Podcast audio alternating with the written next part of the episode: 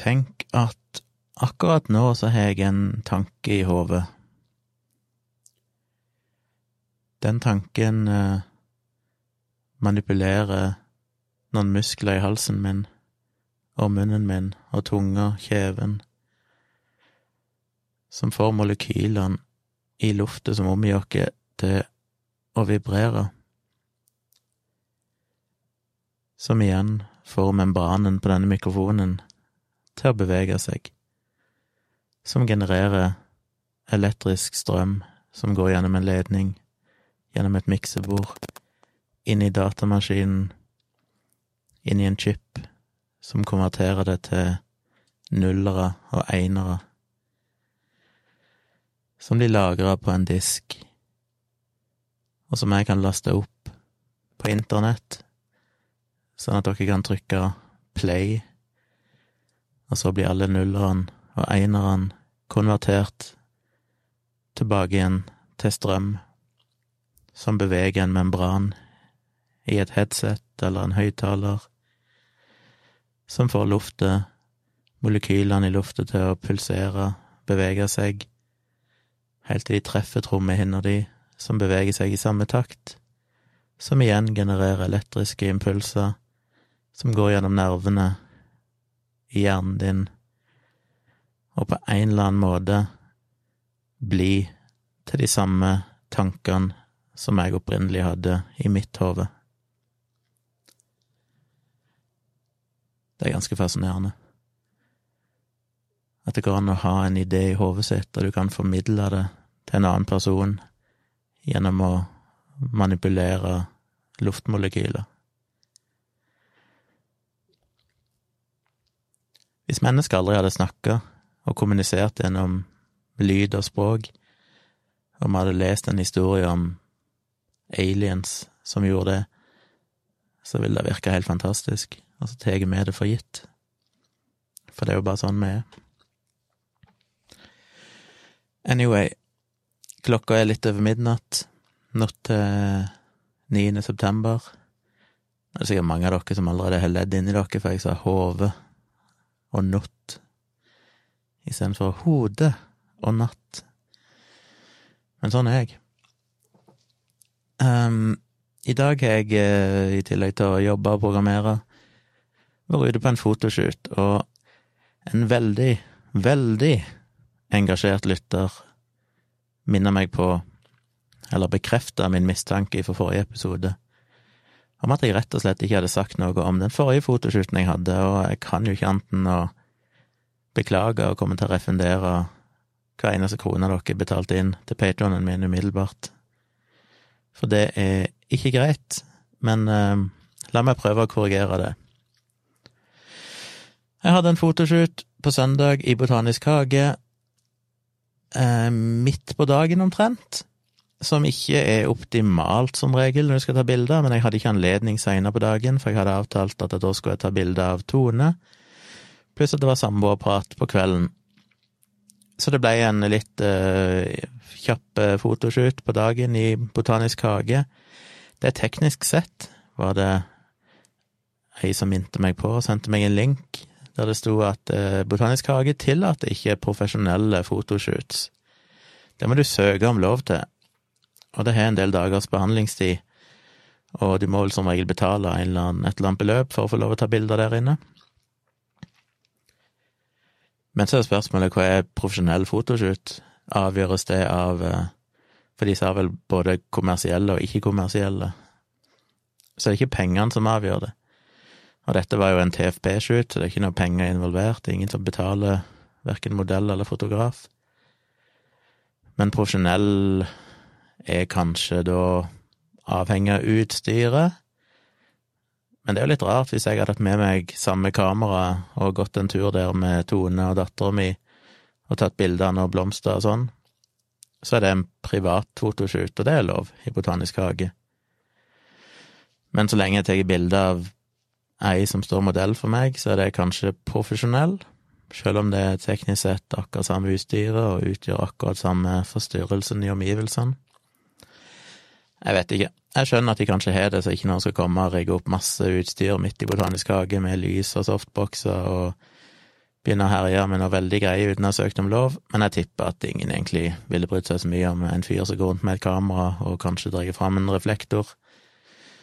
Og det gikk jo veldig greit, jeg har gjort det før, og de mange jeg kjenner har tatt bilder i Botanisk hage uten at det har vært noe problem, så det gikk nå greit, men jeg følte meg litt som en outlaw der jeg gikk rundt. Men det var en hyggelig fotoshoot. Vi holdt vel på, vi møttes oppe i den kafeen oppe i Botanisk hage og bare satt og prata litt, for jeg har funnet ut at det er egentlig ganske greit å sitte ned og prate litt før en begynner å ta bilder. Bli litt grann kjent. Eh, på en måte myke opp stemningen litt, så ikke det blir så anstrengt og nervøst. Så vi satt og prata litt om løst og fast. Hun hadde jo en del erfaring med foto sjøl, hadde mye fotoutstyr, og det var egentlig ganske greit, for da kunne vi snakke om det, og hun kunne jo forstå når jeg sa jeg skulle bytte objektiv, og hun foreslo ja, kanskje en 50 millimeter, eller Så det var egentlig ganske greit å ha liksom den, at hun hadde den tekniske kompetansen. Så vi gikk nå litt rundt. Eh, jeg dro med meg et par stativ et par blitser og softbox og sånn i en bag, for jeg tenkte kanskje jeg ville prøve meg på det, men jeg fant jo fort ut at det ble, spesielt når det egentlig ikke var lov å ta bilder der inne, så ville jeg ikke vekke for mye oppmerksomhet. Så det ble til at vi bare tok stort sett Ja, vi tok egentlig bare bilder med naturlig lys, men jeg hadde en reflektor, så jeg brukte både med en hvit reflektor, sølvfarga og gullfarga, og eksperimenterte litt med forskjellig.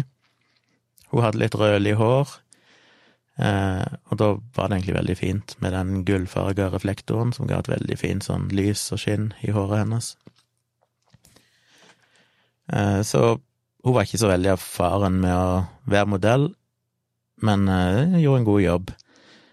Og jeg tror det ble noen bra bilder. Mye dårlig, selvfølgelig. Sånn er det jo alltid. Jeg er amatør. Kan ikke regne med at hvert bilde er gullkorn, men eh, noen av bildene jeg tok, tror jeg er ganske ok.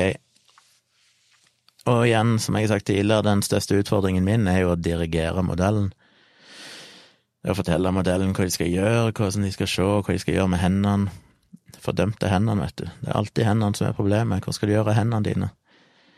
Eh, og gjør du noe, så skal det se naturlig ut, ikke anstrengt ut, så Så vi prøvde en del ting. Jeg er litt irritert på at noen av tingene vi prøvde som jeg følte så jækla kult ut i kameraet, når jeg så bildene etterpå, så var det litt sånn meh, det var ikke så kult allikevel. Men det er sånn en lærer. Så jeg kommer til å ta en liten utvelgelse av de bildene. Jeg tok vel, jeg husker ikke, noen hundre bilder. Jeg kommer til å velge ut relativt ukritisk, fordi hun skal være med i utvelgelsesprosessen, så jeg skal ikke gjøre for strengt utvalg, men jeg skal bare ta vekk de bildene som åpenbart er dårlige, der hun blunker eller er ute av fokus, eller et eller annet gikk galt, og laste opp en, eh, en lavoppløselig JPEG-versjon av de bildene i et galleri som hun får tilgang til, og så kan hun da være med og velge ut hvilke bilder hun syns er bra og vil jeg skal redigere, og så kommer jeg til å redigere de bildene som vi er enige om, og så laste jeg opp eh, en større versjon av de ferdig redigert, som hun da har tilgang til og kan laste ned til sitt eget bruk. Og så var jeg og hadde en fotoshoot i dag. Da møttes vi med Oslo S, og så gikk vi Ja, først gikk vi og tok en kaffe på Jungs, på Jungstorget.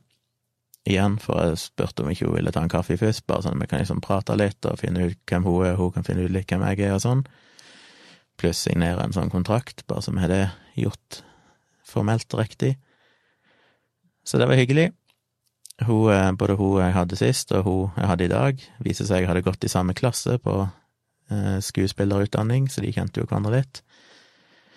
Og ja, hun jobba jo som sminkør, eller drev utdanna seg som sminkør, og hadde og ja, virka veldig kreativ, viste meg en del bilder hun malte og sånn, veldig flink. Så det var gøy. Og så gikk vi egentlig bort til Akerselva og begynte å gå litt oppover Akerselva, og prøvde å finne locations oppover der. Var litt uheldig med lyset. Jeg, eh, som sagt, på søndag i Botanisk hage så tok vi bilder midt på dagen, og det er ikke det beste lyset, så det var litt sånn tricky. Det var enten veldig hardt lys, eller så ble det skygge. Men som sagt, vi brukte reflektoren og prøvde å fikse litt av det, gir jo litt mer lys i skyggen ved å bruke reflektor, men når du bruker reflektor, så er det veldig greit å ha med seg en assistent, og det hadde vi ikke. Så jeg eh, gjorde en del akrobatiske øvelser for å prøve å balansere reflektoren på skulderen og alt mulig rart mens jeg tok bilder. Og det funka sånn halvveis, men det var greit med en medhjelper. Vi hadde samme problem i dag. I dag visste jeg at det kom til å bli litt større problem med reflektoren. Eh, det lærte jeg på søndag, så jeg var ikke så ivrig på å bruke den. Jeg brukte den bitte grann et sted, men ja, egentlig knapt noen ting, for det ble for komplisert. Så vi hadde ikke så veldig godt lys, og i dag så tok vi bilder på ettermiddagen, begynte klokka fem. Og tanken min var litt å prøve å ta litt bilder fram mot golden hour og solnedgang. Og det gjorde vi, men når vi avslutta, så begynte egentlig solnedgangen, men da var vi på helt feil sted i Oslo. Du kunne se det fantastiske, gylne lyset som traff tretoppene lenger oppe, eller toppen av bygningene. Men der vi sto, var det skygge, så vi var egentlig på feil side av byen. Så det tar jeg lærdom av igjen. Hele poenget med en sånn shoot er jo å lære. Så på fredag skal jeg ha en ny shoot med ei som jeg har sett litt bilder av, ser andre fotografer jeg har tatt bilde av hun òg og lagt ut på Facebook, og hun virker jo flink. Så eh, det gleder jeg meg til, og da, skal jeg, da tenker jeg jeg skal prøve å, å gjøre noe litt annerledes. Kanskje gå ned med festningen, Akershus festning, for der får du solnedgangen og lyset på kvelden. Så satser på om vi kan prøve å utnytte det litt mer der nede. Men hun hadde i dag var veldig flink. Veldig flink til å posere, hun hadde tatt litt modellbilder før. Um, og det gjorde at jeg fikk litt dårlig samvittighet, for jeg følte meg litt for passiv. Jeg sa det til henne, at eh, jeg dirigerer deg veldig lite, sa jeg, men det var egentlig bare fordi at hun gjorde egentlig det veldig fint sjøl. Men så kom jeg jo med ideer etter hvert. Om jeg, hun sa, jeg spurte henne når vi var ferdige om hun syntes jeg dirigerte henne for lite, men hun sa det at nei, hun syntes egentlig det var greit, for det, når jeg hadde ideer, så sa jeg jo ifra hva jeg ville hun skulle gjøre. Eh, og hvis hun hadde ideer, så gjorde hun det, og det er egentlig ganske greit. Men hun var litt den typen som du merker jeg har gjort det før, for den, hver gang du tar et bilde, så skifter hun pose automatisk. Så hver gang jeg knipser, liksom, så endrer hun på et eller annet i blikket eller stillingen, posituren. Så det var ganske kult. Og hun hadde med litt sånn høstfarga klær, som passa veldig godt inn i, i naturen, bladene. Så jeg har sett gjennom de bildene. Jeg tror jeg er hakket mer fornøyd med de bildene jeg tok i dag. Eh, så jeg gleder meg litt å gå gjennom de òg og velge ut bilder. Og så blir det en ny shoot på fredag, som sagt. Men jeg blir jo er veldig slitsomt med sånne shoots. Det er mye trasking, for det første. Mange skritt en går. I tillegg så er det jo akrobatikk, for jeg står jo i alle slags stillinger. Kryper, ligger på bakken, klatrer opp på ting for å ta bilder nedover. Det er liksom en liten workout. Så jeg er ganske sliten når jeg kommer hjem. I tillegg til det mentale presset av at jeg som jækla introvert og usosial må møte en person aleine og på en måte holde i gående en samtale og, og vise interesse og prøve å ja, prate og fremstå noenlunde normal. Men jeg sa det etterpå, når vi gikk tilbake igjen, så, sa jeg, så spurte hun hvordan det gikk, eller et eller annet, og så sa jeg vel et eller annet med at ja, nei, nei, det var kanskje vi diskuterte koronagreiene, dette med å, ha hjemmekontor og sånn, så sa jeg at jeg er veldig introvert av meg, så det egentlig gått ganske greit. Og da sa hun at å ja, hun syntes jeg virker så introvert. Så det var jo et godt tegn. Da har jeg kanskje ikke vært helt, helt tilbakestående, selv om jeg alltid føler meg sånn etterpå. Men det var gøy, og dere skal få se bilder etter hvert. Jeg regner med at jeg kommer til å legge ut eh, en håndfull av de beste inne på fotosida mi. Så lenker jeg til det når det er klart, så dere kan ta en kikk på dem. Kanskje jeg poster noen av dine på Patron og på Facebook òg, da. Så det gleder jeg meg til. Um, ja. Så var det jo noen ting jeg snakket om i går i denne her podkasten om eh, folkeopplysningen og kroppen på service. Og så fikk jeg litt jernteppe underveis. Og i dag så tror jeg jeg kom på de to tingene jeg hadde tenkt å si, så jeg noterte de ned mens jeg hadde de i hodet.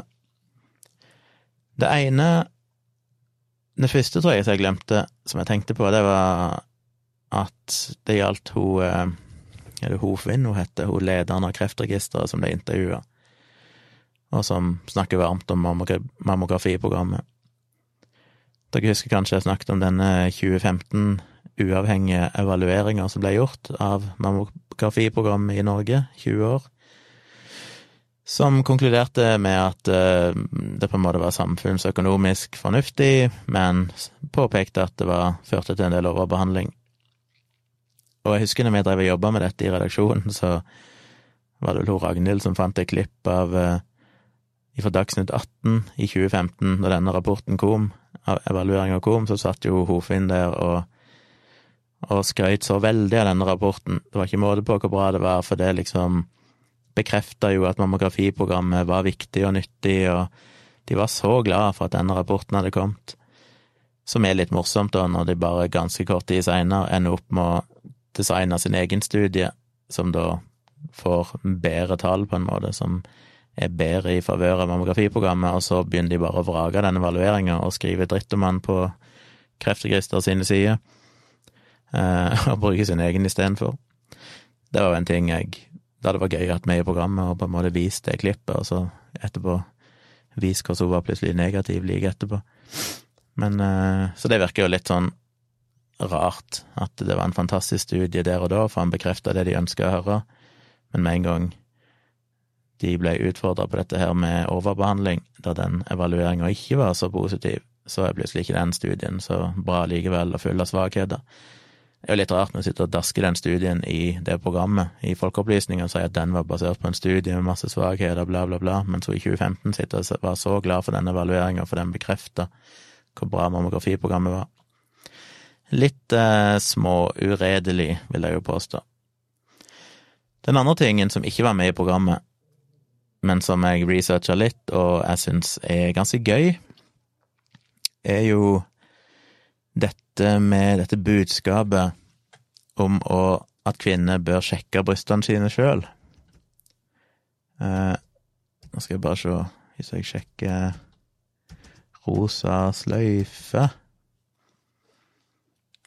Rosa sløyfe. Godta cookies. Ja, det er viktig å å gjøre. Hvis du går inn på kreftforeningen.no slash rosa sløyfe, eller rosa sløyfe, så er det jo rett på forsida der, så er det en svær boks med 'undersøk brystene selv'. Hvis du jevnlig ser og kjenner på brystene dine, blir du lettere oppmerksom på forandringer som kan tyde på brystkreft. Slik gjør du det, kan du klikke på, og så er det en video som viser hvordan du sjekker brystene dine sjøl. Den òg hadde vært veldig gøy å utfordre dem på, fordi forskning viser at det ikke ser ut til å ha noen, noen positiv effekt. Det er litt som med mammografi. Det ender stort sett opp med at folk eh, finner ting som ikke er farlig. Det fører til bekymring, det fører til overbehandling, og stort sett så finner de ikke det de burde finne.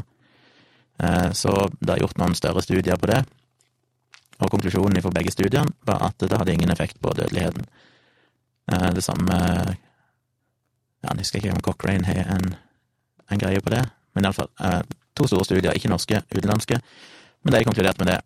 Og det er masse artikler når du går inn og sjekker det fra forskjellige fagtidsskrifter sånn, som sier at det med å sjekke brystene sine sjøl har ingenting for seg. Det er helt meningsløst. Eh, begynner en å grave virkelig i de tallene, så finner en at det finnes noen underkategorier der det kan noe for seg, og det er kvinner som er i risikogruppe, som har for eksempel en historikk med brystkreft i familien, eller har disse gentypene som eh, ja, øker risikoen veldig for å få brystkreft. De kan det kanskje være nyttig å drive og sjekke, hvis du gjør det korrekt, men for folk flest er det ikke det. Og det er jo egentlig det som er litt av budskapet i Folkeopplysningen i den episoden. Jeg husker ikke hvor mye de sa det direkte, men det er jo dette her med at screening er nyttig hvis du gjør det hos folk i risikogruppe. Men når du gjør det med alle, så er screeningen ofte, og som regel, unyttig. Fordi, som de viste i det eksempelet på travbanen med disse koppene og denne iPhone-appen, eller jeg vet ikke om det er en iPhone, men mobilappen som skulle finne eh, disse hundrelappene, og var 93 sikker, så er det et problem når du har et så lite antall i utgangspunktet i hele befolkningen som er i risikogruppa, eller som, er, som vil få dette her. Så det er litt det samme med mammografi òg, at når du tester alle, uavhengig av hvilken risikogruppe det er, det, er jo litt begrensa, bare fordi at de sjekker jo kvinner over hva det, 50 år. Um, og nå er det jo en kampanje, si, eller nå jobber jo Kreftforeningen og sånn med å prøve å senke det til 45, hvis jeg ikke husker feil, og muligens øke det med fem år òg. Som òg det er veldig mye faglig usikkerhet rundt, det er jo sånn at igjen, ja, hvis du senker det og øker alderen, altså utvider aldersspekteret som går til mammografi, så vil du finne flere brystkrefttilfeller. Spørsmålet er jo om du da òg finner enda mer unødvendige brystkrefttilfeller, det er jo det du gjør. Jo yngre du er, jo mindre er risikoen, så da vil det bli enda flere falske positive. Eh, men hvis du bare ser på hvor mange brystkrefttilfeller du har funnet, ja, så er det effektivt. Men hvis du i tillegg begynner å se på overbehandling, altså hvor mange av de svulstene du finner, ville faktisk ha blitt en dødelig kreft eller farlig kreft, så er ikke bildet så positivt lenger. Så jeg mener vel at uh, det hadde vært gøy å utfordre de på det, for det er litt rart at Kreftregisteret promoterer det så aggressivt i den rosa sløyfe-kampanjen, at de har en svær boks på forsida. Og det har de hatt lenge. Når jeg drev og researchet dette i fjor høst, så var det jo enda tydeligere, det var helt øverst på sida, når det flytta ned under et par andre bokser. Men det er jo ikke noe vitenskapelig dekning for å anbefale det, og allikevel gjør de det. Så de kommer med en anbefaling der òg, som, som, det ikke er vitenskapelig dekning for, som er litt sånn som gjør det jeg blir skeptisk. Det er sånn Ikke driv og anbefale ting som det egentlig ikke har, ikke har noe for seg. Men ja, det kunne en òg tatt med i programmet, men det er jo masse en kan ta med. Det er jo ting vi fant ut som var gøy, men igjen, en må jo begrense det av tid og, og alt mulig sånn. Eh, så kan en jo si at ja, men det er ikke farlig om damer sjekker brystene sine sjøl, men poenget er jo det at jo, det er jo nettopp det det er. Fordi da finner du kanskje ting du egentlig ikke burde funnet. Og en annen ting jeg vel fant i noen studier, for en leser jo mye i studier når en driver med sånn research, ting en aldri trodde en skulle lese. Og det var noen undersøkelser som så på hvordan folk hadde oppdaga svulstene hvis de hadde funnet de sjøl. Og da var det faktisk, i de fleste tilfellene, mener jeg, så var det partneren som hadde funnet det, gjennom at de drev og tok på puppene og oppdaga at oi, her er det et eller annet rart, en klump. Så den beste måten å unngå brystkreft på, da, er vel kanskje å, å ha sex ofte, eller kose mye med puppene til partneren din, for det virker ganske effektivt. Nei, det fører nok til mye overbehandling, det òg, eller overdiagnostisering. Men ja, det synes jeg var interessant. Så det var vel de to tingene jeg eh, tenkte på, som jeg eh, hadde lyst til å nevne. Og det verste av alt er jo at mens jeg sitter og snakker om dette nå, så tenkte jeg på en annen ting i stad, som jeg nå har glemt. jeg må begynne å notere mens jeg snakker, tror jeg. Men eh, sikkert ikke så viktig. Hadde jeg noe mer å snakke om i dag? Jeg trodde jeg hadde en halvtimes rant i meg hver dag. Nå har jeg jo bare snakka i eh, litt over ja, 23 minutter. Um, mm, mm, mm, Nei, ikke så veldig mye viktig. Vi sitter og ser på 90 Days fortsatt, som er engasjerende, for å si det mildt. 90 Days to Wed på Dplay. Nå er vi jo over på uh, Before the 90 Days. Nei, ikke Before, men uh, Happily Ever After, der de følger noen av disse parene enda lenger enn det de gjør i den opprinnelige serien. Og det er altså så frustrerende. Meg og Tone sitter jo og roper til folk på TV i frustrasjon. Forteller folk hvor dumme de er, og hvor jævlig irriterende det er å se. Å, fuck, altså. Så en blir engasjert av det. Og det er mye å se, for nå har vi vel fortsatt par, ja, en del igjen av det der uh, Happily Ever After-greiene. Og så er det jo i gang med en ny sesong nå, av den vanlige 90 Days. Og så er det jo Before the 90 Days, og så er det jo Pillow Talk, som er 90 Days-deltakere som ser episoder av 90 Days med andre folk og sitter og kommenterer det. Skikkelig meta. Så her er de virkelig eh, utnytta kunsten i å melke en suksess på alle, alle verdens mulige måter. Men, eh, men, gøy er det.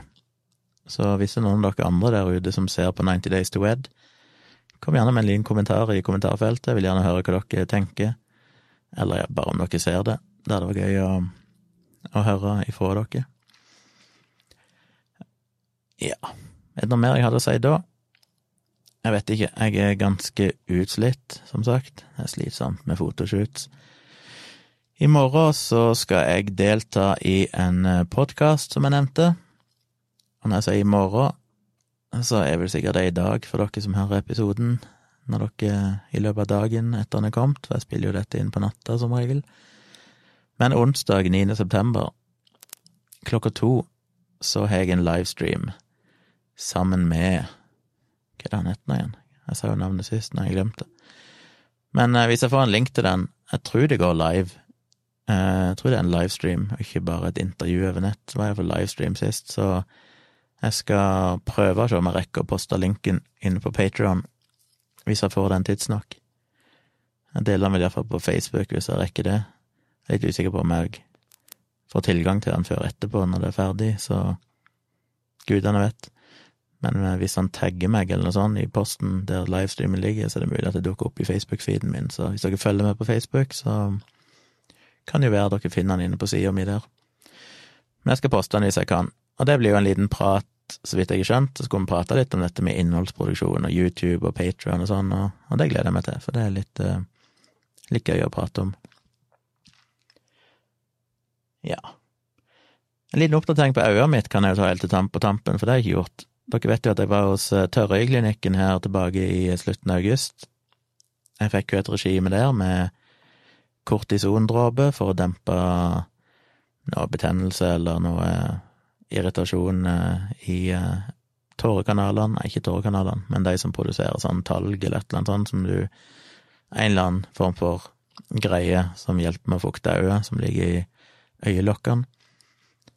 Så fikk jeg de skulle bruke tre ganger om dagen, og så fikk jeg en annen som heter Octagel, som er en sånn liten gel, rett og slett. Nesten som vann, men litt tjukkere, drypper noen dråper av i øynene. En liten sånn gelé, eh, som hjelper bare med å holde øyet fuktig. Som Ikke at jeg har ikke kjent at jeg er plaga av tørre øyne sånn på dagtid, men eh, det er vel bare for å på en måte prøve å beskytte øynene mest mulig, sånn at den eventuelle riften jeg har, som har skapt problemer for meg, faktisk kan gro uhindra.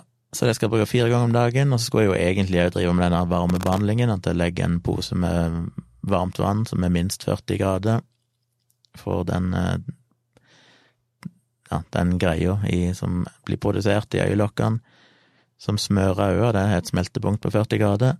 Så jeg skulle liksom ha det på i ti minutter, så det fikk smelta på hvert øye, og så skulle jeg massere øyelokkene opp og nede for å prøve å å skvise ut, og på en måte få freshe opp de eh, kanalene.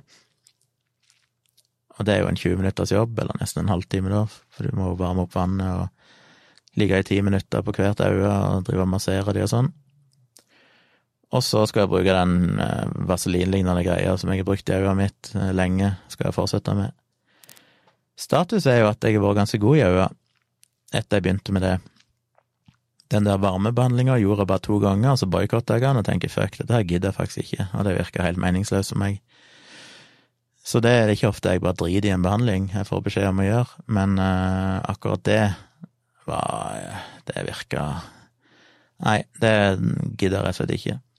Men jeg tar de kortisondråpene tre ganger om dagen, jeg tar den eh, geleen eh, fire ganger om dagen, og, og den kremen på øynene om natta når jeg sover. Og nå har jeg faktisk ikke hatt uh, smerter i øynene noen gang etter jeg var hos øyelegen. Litt usikker på hvorfor. Jeg var vel litt vond i øyet et par ganger fordi jeg brukte den der uh, greia i øyet mitt på natta, den tok jeg på mye av, nesten ifra kant til kant på øyet. Og det var jo fordi at jeg brukte veldig lite i starten, og da følte jeg ikke det hjalp, og så begynte jeg å ta på mer, og så følte jeg at det hjalp, men allikevel hadde jeg vondt noen ganger når jeg brukte mer òg. Men så har jeg gått tilbake igjen til bare å ta på en sånn halv centimeter liten uh, strek i nedre øyelokk som da smelter på øyet mitt. Og det føles som at det kanskje er bedre. Men det er vel òg kombinasjonen av uh, Ja, jeg vet ikke hva det er. Kanskje den kortisonen gjør noe fornuftig. Eller så er det bare det at jeg holder øyet mitt fuktig hele dagen ved hjelp av den geleen som jeg er på, de dråpene. Iallfall så har jeg vært veldig god. Jeg behandler jo begge øynene, selv om det andre øyet mitt har ikke hatt noe vondt i, men han mente han kunne se at det òg egentlig var irritert, eh, så han mente jeg skulle behandle det òg. Det var mulig at jeg ikke kjente så mye der, for jeg hadde så mye verre i det andre øyet. Men uh, han mente begge trengte behandling, så jeg tar nå på begge. Så nå skal jeg vel inn til en kontroll om en drøy måned, i midten av oktober, var det vel. Så jeg skal vel fortsette med den kortisonen i 20 dager. Det vil si, jeg skal fortsette i ei uke til, cirka. Og så kommer jeg sikkert til å fortsette med den Ja, han var ikke helt tydelig på hvor, hvor lenge jeg skulle fortsette med de andre tingene, men eh, hvis det fortsatt er resept nok på den oktagellen, må sjekke på apoteket, så kommer jeg vel til å ta ut det som er der, for jeg syns det er ganske deilig å ta på. En deilig følelse å ta på den der iskalde geleen rett på øyet. Det føles så godt. Forfriskende. Så går det en tre-fire minutter før jeg klarer å se igjen, for jeg blir jo helt tåget i øynene, for det legger seg jo sånn hinne over øynene mine. Men eh, den er ganske fin, så den har jeg lyst til å fortsette med så lenge jeg kan. Og så får vi se, da.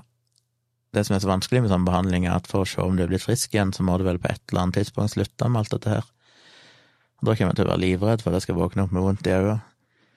Så, eh, og hvis jeg først slutter for tidlig, og jeg da blir tørr i øynene igjen, sånn at jeg river opp igjen den der fuckings riften, så må jeg vel starte hele greia på nytt, for da er vel, da er vel back, to square, back to square one.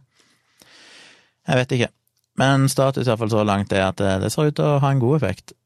Um, selvfølgelig så vet jeg jo som forfatter av placebo-defekten at det kan være en tilfeldig tidssammenheng med at det ville blitt bedre uansett. Gudene vet, men nå fortsetter hvert iallfall med det så lenge jeg er blitt uh, fortalt å fortsette med det. Og så satser vi på at det løser seg, for det hadde vært deilig. Det eneste jeg skulle ønske nå, det var at jeg fikk bedre syn, men det skjer jo ikke av seg sjøl.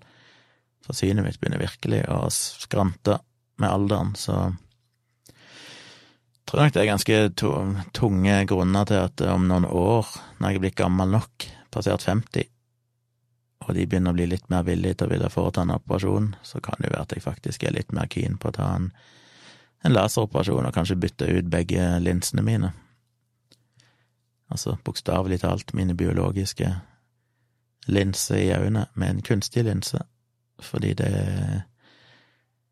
Ja, jeg har fått beskjed fra andre som har hørt på dialogisk når jeg snakker om dette, som har skrevet til meg og sagt jeg har gjort det, og det var helt fantastisk, eh, de ser helt perfekt men så virker det jo som at det er mye skrekkhistorier og overraskende Jeg vet ikke om det er sant, men jeg har hørt at det er veldig få øyeleger som vil gjøre den operasjonen sjøl, på seg sjøl, som kanskje er et litt uheldig signal. Så vi får se når den tid kommer. Foreløpig så var jeg ikke var jeg ikke en god kandidat for en sånn operasjon, for jeg var litt for ung.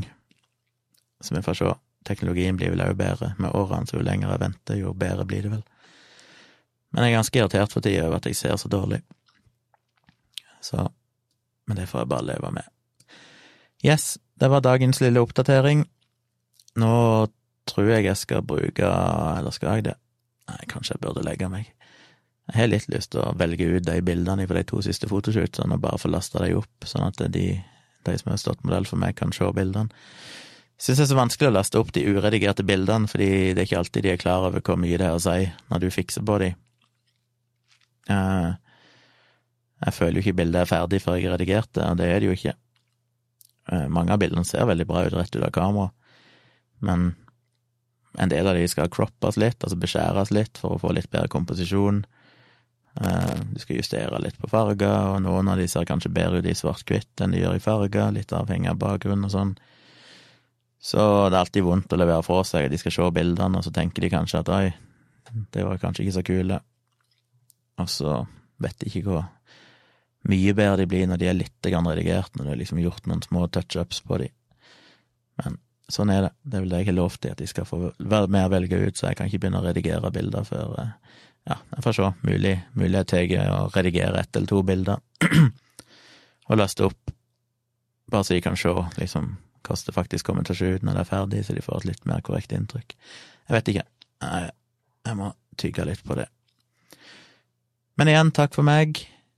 Eh, husk at eh, alt dere hørte nå, har vært resultat av eh, luftmolekyler og elektrisitet, som gjorde at jeg kunne formidle mine tanker rett inn i hjernen din, som om det var magi. Det er noe å tenke på. God natt, og takk for at dere hører på, og takk for at dere støtter meg her. Så høres vi igjen i morgen kveld.